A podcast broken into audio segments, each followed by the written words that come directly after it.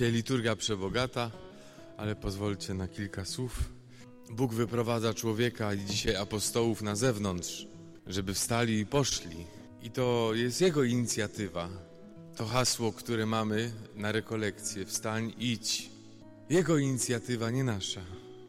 To On mówi, rusz się, wstań, pójdź. W Nowym Testamencie to wezwanie wstań występuje 28 razy. To Bóg czyni pierwszy krok. To On jest źródłem tej dynamiki. Więc otwieram księgę Ezechiela. I to nie Ezechiel w swojej jakiejś proroczej brawurze, może nudząc się w domu, wpadł na ekstra, ekstrawagancki pomysł, że a może sobie ruszyć na pobliski cmentarz i ożywić suche kości. No nie tak, nic z tego, to nie jego inicjatywa. To nie był jego pomysł, nie? Prorok tylko skrupulatnie notował i tak się stało, nie? Poczęła na mnie ręka Pana, On wyprowadził mnie pośród doliny. Była ona pełna kości. Ta. Od takich słów się zaczyna. On mnie wyprowadził. Bóg wyprowadza człowieka. On nie zna pojęcia stagnacji. Stagnacja jest na cmentarzu, ale tam nie ma poruszeń.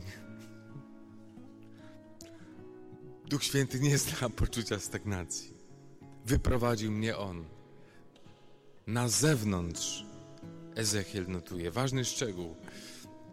I to, co papież Franciszek mówi chyba od samego początku swojego pontyfikatu. Wyjdźcie na zewnątrz. Wstań, wyjdź, rusz się. Nie? Mówi to do młodzieży w Rio. Nie zamykajcie się w salkach parafialnych. Nie? No, fajnie się o tym mówi, oczywiście, teoretycznie, ale każde wyjście do ludzi, każde wyjście na zewnątrz, no może budzi opór. Jeszcze jak ktoś wychodzi, a jeszcze z naszego towarzystwa jest w sutannie, w habicie, no to jest trudne wyjście. Jakiś czas temu szedłem po Katowicach w habicie i, i jakaś, jakąś panią mijałem starszą, a na zewnątrz, a na drugiej stronie ulicy jakieś chłopaki słyszeli, się siedzieli, nie, z, z puszką w ręku i oni do tej pani zaczęli krzyczeć Pani uważa na torebkę. Pani tak na mnie spojrzała, mi się głupio zrobiło. Nie, ale im się nie dziwię, byli młodzi. Nie? Gorzej jak takie słowa słyszysz od bliskich tobie osób. No. Ale wyrzuca nas to trochę z ciepełka takiego, nie? Bolesne. No, zmusza do opuszczenia bezpiecznego świata. Ale warto, nie? Pisał o tym kiedyś kardynał Rach, Ra, Karl, który mówi tak. Kościół przyszłości będzie kościołem zbudowanym od dołu, z prostych wspólnot. I mówi, i pisze, powinniśmy podjąć każdy wysiłek, żeby nie powstrzymywać tego zjawiska. Od dołu, od ciebie, o ile się ruszysz, o ile zechcesz, o ile zechcesz. I to, co mi bardzo porusza, jak w ogóle y, papież Franciszek rozumie Kościół, bo w ogóle bez tego, jak on rozumie Kościół, nie da się zrozumieć też Jego. I on pisze tak. Y, potrzeba leczyć rany. Ludzie zranieni są przez złudzenia świata. Powinniśmy być tam, blisko tych ludzi. I teraz, gdy ktoś jest zraniony, potrzebuje tego od razu, a nie badań, jaki ma poziom cholesterolu, prawda? Jak ktoś jest zraniony, upadł na ulicy, no to nikt mu nie będzie paznokci obcinał, tylko będzie trzeba ratować chłopa czy kobietę, nie? No. no trzeba od razu i tak papież rozumie. Dlatego on mówi, według niego on definiuje Kościół jako Kościół jest szpitalem polowym. Szpital polowy i papież często wraca do tej konstrukcji, szpital polowy. O, to nie pachnie bezpieczeństwem. No mamy niestety wojnę u sąsiadów, prawda? Szpital polowy.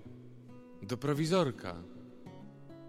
Nie, przynoszą żołnierza do szpitala polowego, to nikt mu tam nie, nie patrzy, prawda, czy brwi ma nie ułożone, czy może krawat czapł. No nie, no ratuje się chłopa. Nogi mu urwało, a my może wzrok mu sprawdzimy, prawda, jaką ma dioptrię. No bez sensu, trzeba mu ratować, nie? I papież tak rozumie Kościół. Dzisiaj ludzie umierają bez Chrystusa, a co ja mam się zajmować? Czy korpora ma być w takim stylu, w takim stylu, zajmować się sobą, sobą, sobą, czy może wy wyjść, ratować ludzi. Nie zajmuj się sobą, mówi y, Bóg przez papieża, nie? Ratuj ludzi. Ratować ludzi, nie sobą się zajmować. To jest szpital polowy. Będzie czas, wszystko jest ważne, ale dzisiaj są czasy, że trzeba patrzeć na to, co jest istotne. Szpital polowy. No z góry zakłada jakąś prowizorkę, no trudno. Życie na walizkach, no tak już jest. Nie? Destabilizacja, zmiana miejsca co chwila. Ale to jest echem słów Pana Jezusa, który mówi: Dziś, jutro i pojutrze muszę być w drodze. Tak powiedział u Łukasza w 13 rozdziale. Muszę być w drodze, nie? Nie zatrzymuj mnie. Nie podobają się może nam takie określenia. Brzmią brutalnie, może mało pieszczotliwie troszeczkę, nie? Niezbyt sielankowo. No wolałbym może siedzieć w kościele, gdzieś tam i w, i w kościele widzieć ostoje sakrum, nie? Trwałą rzeczywistość, gdzie aniołowie śpiewają Kyrie i tak dalej, nie? No dobrze, to wszystko jest piękne. Ja tak wolę, ale czy tak woli Bóg? A szpital polowy stawia no raczej nas na obrzeżach pól bitewnych, nie? Jesteśmy na linii frontu. I wielokrotnie przypominał o tym papież, nie? Szpital polowy. Raczej się kojarzy z pakowaniem manatków, z wędrówką. Z miejsca na miejsce, czy coś ulotne, dynamiczne po prostu, tymczasowe w jakiś sposób, szpital polowy, nie? I on przyjmuje tych, którzy są najbardziej potrzebują pomocy, bez procedur, bez rejestracji, sprawdzania metryk, aktów urodzenia, opinii proboszcza. I może co, kapelan szpitala przychodzi y, w szpitalu polowym i mówi, a zmówił pan dzisiaj paciorek, czy nie? Nie, odpuszcza się grzechy tak, warunkowo po prostu. Jak przeżyje, to pójdzie do spowiedzi. A jak nie, to udzielamy rozgrzeszenia, bo to jest szpital polowy. Nie wiadomo, czy dotrzyma do jutra. Nie wiadomo, czy przeżyje. Udzielamy rozgrzeszenia wszystkim, nie patrząc, a mieszkasz z jaką drugą, czy nie. Nie, wszystkim udziela się rozgrzeszenia. Warunkowego, oczywiście. To jest fakt. Nie? Ale nie ma czasu na procedury, nie ma czasu na przepisy, które są ważne, które są potrzebne ale w szpitalu polowym to się wszystko mija na razie. Jak gość przeżyje, oczywiście musi iść do spowiedzi. Jeżeli ma trzecią, no to niestety nie ma rozgrzeszenia. To fakt, ale szpital polowy to szpital polowy. Nie patrzy się na te procedury, które są ważne, ale istotne jest w szpitalu polowym, żeby uratować życie. Tam się nie przebiera w pacjentach, nie? przyjmujemy brutalnie, wiem, to brzmi, ale z ulicy, dawajcie. Nie? Bo nieraz kroimy kościół apostołów na swoją taką miarę, nie? Dzisiaj hasło najwodniejsze, może uczyńmy papieża na swój obraz. Święty Jan Paweł II, wierzę, że święty Benedykt XVI, według mnie nawet będzie ojcem, doktorem Kościoła, ważne zadanie mieli byli papieżem, papieżami przełomu, przeprowadzali Kościół w nasz wiek XXI, ale Franciszek jest papieżem nowego stulecia. Tamten wiek, fakt, był wiekiem wielkich monologów. Chyba dziś już nie jest taki wiek. Może nawet tych wielkich monologów się skończył. Ja nie wiem. Ale czy potrafię przyjąć Kościół taki, jaki jest? czy taki bezpieczny, jakiego nauczyłem się żyć, nie? Dzisiaj ludzie dostają ciężkiej alergii na Kościół, a wielu ludzi Kościoła ciężkiej alergii na papieża. Wszystko się przewraca. Czy mam jakieś zaufanie w ogóle? Nie. Jesteśmy otwarci, oczywiście, na różne rzeczy w Kościele i na nowe wspólnoty, na nowych ludzi, no na naszych warunkach. No nie. Jakiś czas temu widziałem ewangelizatorów świeckich. dresy, bluzy, ogolone go głowy. Klasyka gatunku wielkich blokowisk po prostu, nie? Jeżdżą po szkołach, jeżdżą po więzieniach, jeżdżą po poprawczakach, głosząc dobrą nowinę. I realizują taki fajny projekt.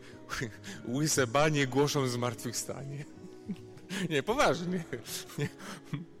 Ku przerażeniu nieraz takich pobożnych, wpływowych niewiast taszczą ze sobą sporą figurę Matki Bożej, nie?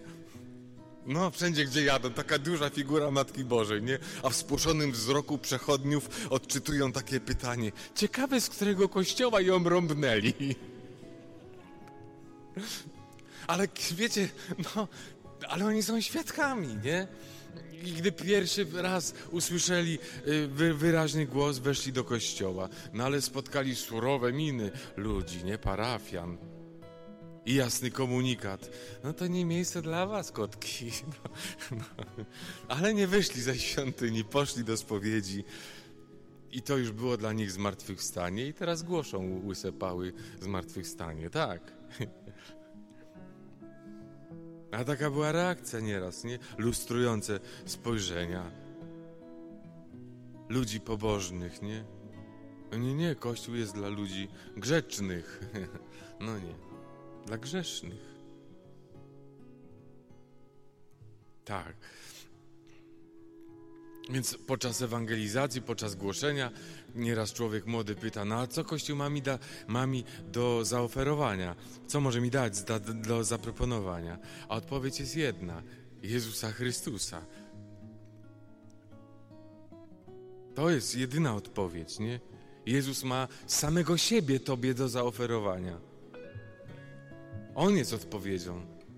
Jedyną, nie? I on mówi w Ewangelii on wiele razy: Przyjdźcie do mnie wszyscy, ruszcie się, przyjdźcie do mnie, rusz się, przyjdź. To znaczy, jeżeli go przyjmujesz, to ruszasz się, jeżeli go nie przyjmujesz, stoisz w miejscu, nie? A jeżeli go przyjmujesz, to ciebie uruchamia. Jest takie piękne zdanie, już to raz przytoczyłem, jeszcze drugi raz i pewno ostatni, w Lumen Fidei encyklice. Wiara widzi w takiej mierze, w jakiej się porusza. I w jakiej, i, i w jakiej wchodzi w przestrzeń otwartą przez słowo. Nie? W takiej wierze, w takim masz wiarę, w jakiej się poruszasz. Jak się nie będziesz ruszał, to twoja wiara skapcieje, nie? To będziesz religijny, ale nie będziesz wierzący. Może być człowiekiem bardzo religijnym i, i niewierzącym. Można mówić dużo pacierzy i się nie modlić. Można przyjąć komunię i nie przyjąć Jezusa. On można. Wiara się porusza w takiej mierze, y, ta, widzi w takiej mierze, jakiej się porusza. Rusz się, wstań. Abraham jest wierzący, dlaczego? No bo się ruszył, wstał, wejdź, mówi do niego Bóg, idź takiej mierze, w jakiej idzie, w jakiej się przemieszcza. Tak widzi moja wiara. Stoję w miejscu, nic nie widzę. Jak się nie ruszysz, no to nic, ale jak się ruszysz, zaczynasz widzieć działanie Boga w swoim życiu, ale musisz się ruszyć. Tego nikt nie zrobi za ciebie, ani za mnie, nie? Stoję, nic nie widzę. No to zaczynam widzieć dopiero w pewnym procesie jak zacznę się ruszać, wtedy dopiero widzę, a nie odwrotnie. Dlaczego? Przestrzeń Słowa Bożego otwiera przede mną pewne portale, pewne drogi, y, pewne ścieżki, tak? Ruszyć się, przyjść, nie? Zobaczcie, Bóg przyszedł do Abrahama, przyszedł do niego pierwszy raz Bóg przyszedł do Abrahama, jak facet miał 75 lat. Pierwszy raz. I powiedział, będziesz miał potomstwo jak piasek morski. Jak piasek morski, nie? I facet ma 75 lat. Pierwszy raz w ogóle usłyszał Boga, nie? Miał 75 lat, żonę, która była niepłodną i jeszcze Bóg mówi, wyjdź stąd, gdzie mieszkasz. Kurczę, nie? Facet 75 lat i ma teraz opuszczać mieszkanie, dom, posiadłość, trzody, to wszystko. 75 lat. No, ja mam po połowie trochę więcej. No ale już nie chce mi się zmieniać miejsc. znowu pakować. No nie chce się po ludzku. A facet ma 75. Jakby z Jasnej Góry komuś 75, Andrzej, nie dać dekret. No, to trudne jest, no bo... Chyba, że kto inny cię spakuje i wywiezie, no. Ale rozumiecie, albo twoim, twoim dziadkom, spakować swoich dziadków i teraz kupić ich mieszkanie gdzieś indziej. No to byłby dramat po ludzku. Ja po ludzku mówię, nie? A Abraham słyszy, a wyjdź, a rusz się. Ja cię poprowadzę do ziemi, która jest dla ciebie. Dostaniesz ziemię.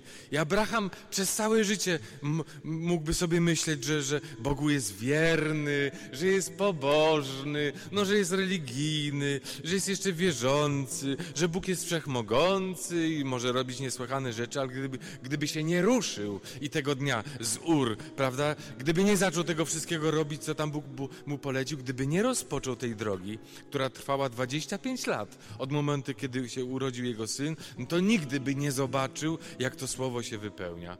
Nigdy. Mógłby sobie cały czas myśleć, o cudnie by było, ale byłoby mieć piękne doświadczenie, nową ziemię, potomstwo jeszcze, jakby było ślicznie, nie? A Bóg mówi, dam ci, ale się rusz. Jak się ruszysz, to ci dam. Wiara widzi w takiej mierze, w jakiej się porusza. Abraham się poruszył i doświadczył. Jakby się nie ruszył, nic by nie doświadczył. By miał tylko działeczkę, kwiateczki. No i ja. I starą żonę. Teściowa pewno już nie żyła. Wiecie, jest taki piękny obraz, midraż żydowski, taka opowieść. Żydzi są, uciekają z Egiptu. Goni ich faraon, gonią ich rydwany.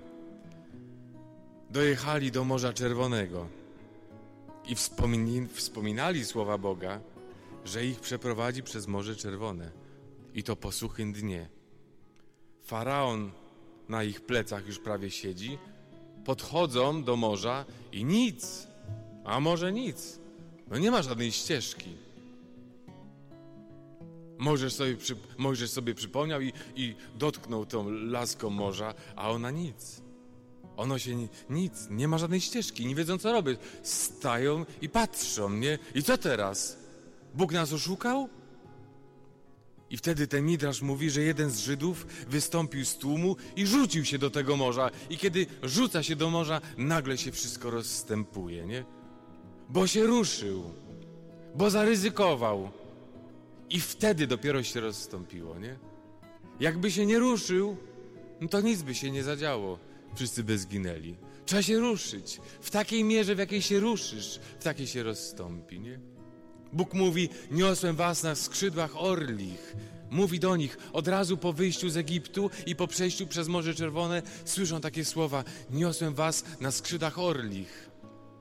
I to czytałem u jakiegoś rabina żydowskiego, że tak, że kiedy mały orzełek już ma pióreczka i już tak jest według rodzica orła gotowy, no to orzeł stary z gniazda go po prostu strąca, wykopuje i ten orzełek leci tam w dół, nie? No bo inaczej sam by się nie ruszył, ale Ojciec go asekuruje. Orzeł tam leci pod niego, jak nie da rady, no to go tam weźmie na te skrzydła z powrotem, nie? Ale jak da radę, no to już sam frunie. I tak Bóg robi. Mówi, rusz się, wypchnie cię trochę, nie? On cię asekuruje. Niosę was na orlich skrzydłach, tak, asekuruje. Ale jak się nie ruszysz, no to nie zobaczysz, nie doświadczysz. To potem ja nie mam o czym mówić pośród ludzi, nie? I co będę? Jedynie kawały jakieś o bieliźnianych historiach opowiadał, żeby zwrócić uwagę. O Jezusie. Ta nowina, ho logos, to słowo o Jezusie, nie? Nikt z nas może nie rozdzieli morza, nie? Ale możesz zrobić dwa kroki, a Bóg to uczyni. Inny przykład. To nie było tak, że Jezus świetnie, y, prawda, za, zaimprowizował cud rozmnożenia chleb, pomodlił się trochę i teraz, teraz nagle góra chleba, piekarnia przyjechała, góra chleba, no i teraz ojcowie zajmijcie się dystrybucją. No tak nie było. Nie. Oni, i to było przedziwne, oni brali tyle, co mieli i kiedy zaczęli rozdawać, wtedy im przymnażało. O, jakby góra tego pieczywa była, to każdy głupi by rozmnażał, y, rozdawał, nie? Nie, nie, nie. Oni wtedy wyszli z tym, co mieli, z tak mało. I jak zaczęli dawać, jak się ruszyli, wtedy przybywało. Jakby się nie ruszyli, nic by nie przybyło. Rusz się, a zobaczysz. No wszędzie to jest. W Ewangelii, w Starym Testamencie. Nie? Tylko się rusz. Rusz się, a zobaczysz. Wszystko może się wydarzyć. Wszystko. Nawet mało realne. Pamiętacie króla Dawida, nie? Na początku Bóg przeprowadza casting przed Samuelem. No, moglibyśmy tak powiedzieć. Nie? Pokazują mu się ci wspaniali, nadawali się może na króla, wszyscy piękni, przygotowani po jakichś tam kursach e, autoprezentacji. Siedmiu wspaniałych w sumie ich było, prawda? No tak, ale nie ten, nie ten, nie ten. I co? Wyczerpany repertuar? No nie, ty, ale jeszcze jestem ostatni, ten ósmy, a taka ciamajda, taki niedorozwinięty, taki młodziak. Ja przeprowadźcie go. No i rzeczywiście rudy, ładne oczy, pociągający wygląd, taki sfeminizowany typ. No, taki mami synek trochę, nie? No, taki do przytulania. Włosi mówią bambola na to. I to ma być prezydent? To, to, to ma być wódz? Nie? Wybrałbyś takiego kogoś na prezydenta. A Samuel słyszy w sercu, a to ten. A ja go wybiorę. Po ludzku nie, ale Bóg go wybrał, nie? No tak. Nie patrz na to, co ludzkie. Rusz się i zaufaj tym, których Bóg wybrał. A może Bóg dziś do ciebie puka, nie? I może pójdziesz na rozmowę do ojca y, Tomasza porozmawiać, bo czujesz, że Bóg cię wzywa do tego zakonu. No tu nie ma wszystkich normalnych. Jesteśmy zwykłymi ludźmi, prawda? Jest w sensie nienormatywni wszyscy są. No. Jaka moja rodzina, taki jestem ja. No i co mam zrobić? Ja też nie jestem wszystko halo tam, nie? No, no, no ale co zrobię? No, nie poradzę, no. No cóż, ale mówienie kazań jest dla mnie terapią, więc dziękuję za zaproszenie. Ale wiecie, no, dziękuję bardzo, bo wiecie, ten świat zostanie ocalony przez ludzi, który wydawało się, że, że nie mają dyspozycji do tego, nie? Tylko, że mają otwarte oczy. I o to chodzi. Dawid miał otwarte oczy. Tamci byli wspaniali, ale nie widzieli. Nie? Ojciec Pio, człowiek o otwartych oczach, nie? Chorwacki, nie wiem, Leopold Mandic, Faustyna Kowalska, która była analfabetką, nie? I tak dalej. Bernadetta Subiru, zwykła, nienormatywna jakaś taka, nie? Dziewczynka, której ukazała się Matka Boża w Lourdes, nie? Ojciec w więzieniu, matka alkoholiczka, dysfunkcyjna rodzina. Nie, to tej... No przecież nikt jej na serio nie potraktuje, a Bóg takich wybiera. Nawet wiedząc, że, że Judasz go zdradził, a i tak go wydał. Bóg wie, a może ktoś z nas jutro odejdzie z kapłaństwa, a mimo to Bóg go wybrał. Ja nie wiem, co będzie jutro. Nie wiem. Już dwa razy się zakochałem w zakonie. Raz we Włodawie. No. Tam są piękne dziewczyny. No co ja zrobię? Serce nie sługa, naprawdę. No. No ale, no dobrze, no trudno. Ale Bóg mi dał potem łaskę, żeby jakoś to urwać, no. I to nie była grzeszna miłość, ogrozo, że tak powiem, w cudzysłowie. Bo jak jest grzech, to wtedy masz do wyboru. Albo odchodzisz od Boga, idziesz do kobiety, albo odchodzisz od kobiety i wracasz do Boga. A jak kobieta wydaje się być aniołem, o trudno zadać cios. ale jakoś zdobyłem się na to. Uratowałem ją od siebie. Bo gdyby, gdybym z nią został, jej życie byłoby przeklęte, już nie mówię tam o sobie. Hmm? I, no mam takie doświadczenia, jak dzisiaj przychodzi do mnie jakiś ktoś, kto się zakochał, jakiś ksiądz, no jest taka możliwość, przecież serce nie sługa, no to przynajmniej wiem, co mu powiedzieć. Nie mówię, nie wolno, bo nie wolno, no, no nie mówię wtedy tego, nie? tak. W związku z tym każdy jest słaby, nie? Tylko czy ja się uchwycę Boga, zaryzykuję. Tak dziś, nie? Wstanę, pójdę za Nim. Wiecie, tego świata nie uratują żadne świetne armie, najlepsze organizacje międzynarodowe, najlepszy program duszpasterski, ani terapeutyczny. Ten świat będzie uratowany przez ludzi, którzy mają otwarte oczy, dzięki Jezusowi, którzy widzą. Nie? To nie ONZ zmieni świat. Nie. Tylko ludzie, którym otwarły się oczy, którzy wstali i zobaczyli. Jak nie wstaniesz, to nie otworzą ci się oczy, nie doświadczysz. Więc rusz się jak Abraham, rusz się. Dzisiaj mamy piękną rzecz w pierwszym czytaniu, już kończę, ze Starego Testamentu. Historia z Księgi Rodzaju Józefa Egipskiego. Jest głód w Egipcie, w całym kraju, w całym państwie. Jest głód. Po siedmiu latach urodzaju przychodzi siedem lat głodu. Ludzie cierpią. Tylko nie myślcie też o tym głodzie tylko fizycznie. Dzisiaj też jest głód. Fizyczny pewno też, ale i taki duchowy. I teraz dzięki w sumie swojemu odrzuceniu przez braci, Józef jest drugim po faraonie w państwie. I ludzie przychodzą do faraona, jesteśmy głodni, zrób coś, prezydencie. A on mówi: A idźcie do Józefa. Do niego idźcie. Do niego. I ja wiecie sobie szukałem, to nie, nie teraz, ale szukałem sobie kiedyś do tam do jakiegoś tekstu takiego mm, większego. I to samo słowo występuje, które faraon kieruje, tak samo Jezus to samo słowo kieruje na apostołów. Nie? W Twoim głodzie, w Twoim głodzie. Jezus mówi: A idźcie do nich, tu macie swoich apostołów, Twoich kapłanów, Twojego duszpasterza, Twojego spowiednika. Nie? Tak. To są Józefy, że tak powiem.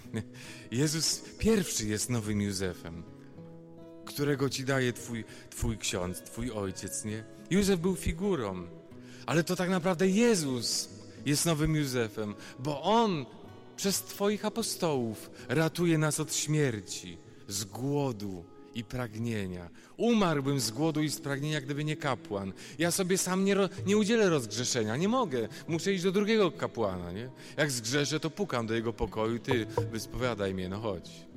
No tak jest, no co?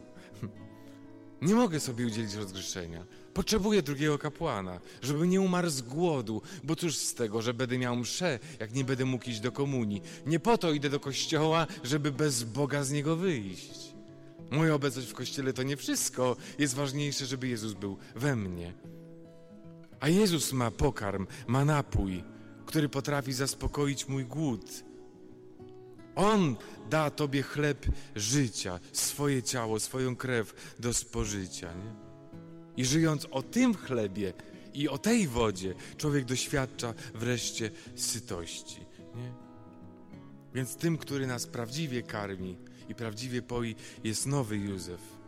Jezus Chrystus, umiłowany przez Ojca, jak Józef Egipski, nie? znienawidzony przez braci. Jezus, jak Józef, sprzedany przez Judasza, jak Józef przez Judę, to samo imię. To wszystko to samo. Zdarto z niego szatę i Jezusowi, i Józefowi uczyniony niewolnikiem Józef w Egipcie, a Jezus umarł śmiercią niewolnika. Ojcu przedstawiony jako zabity Józef. To wszystko pasuje do Jezusa, co się działo z Józefem. Jezus jest nowym Józefem. I mogę u Niego szukać dziś. I u Niego szukam w moim głodzie i w moim pragnieniu. Szukam.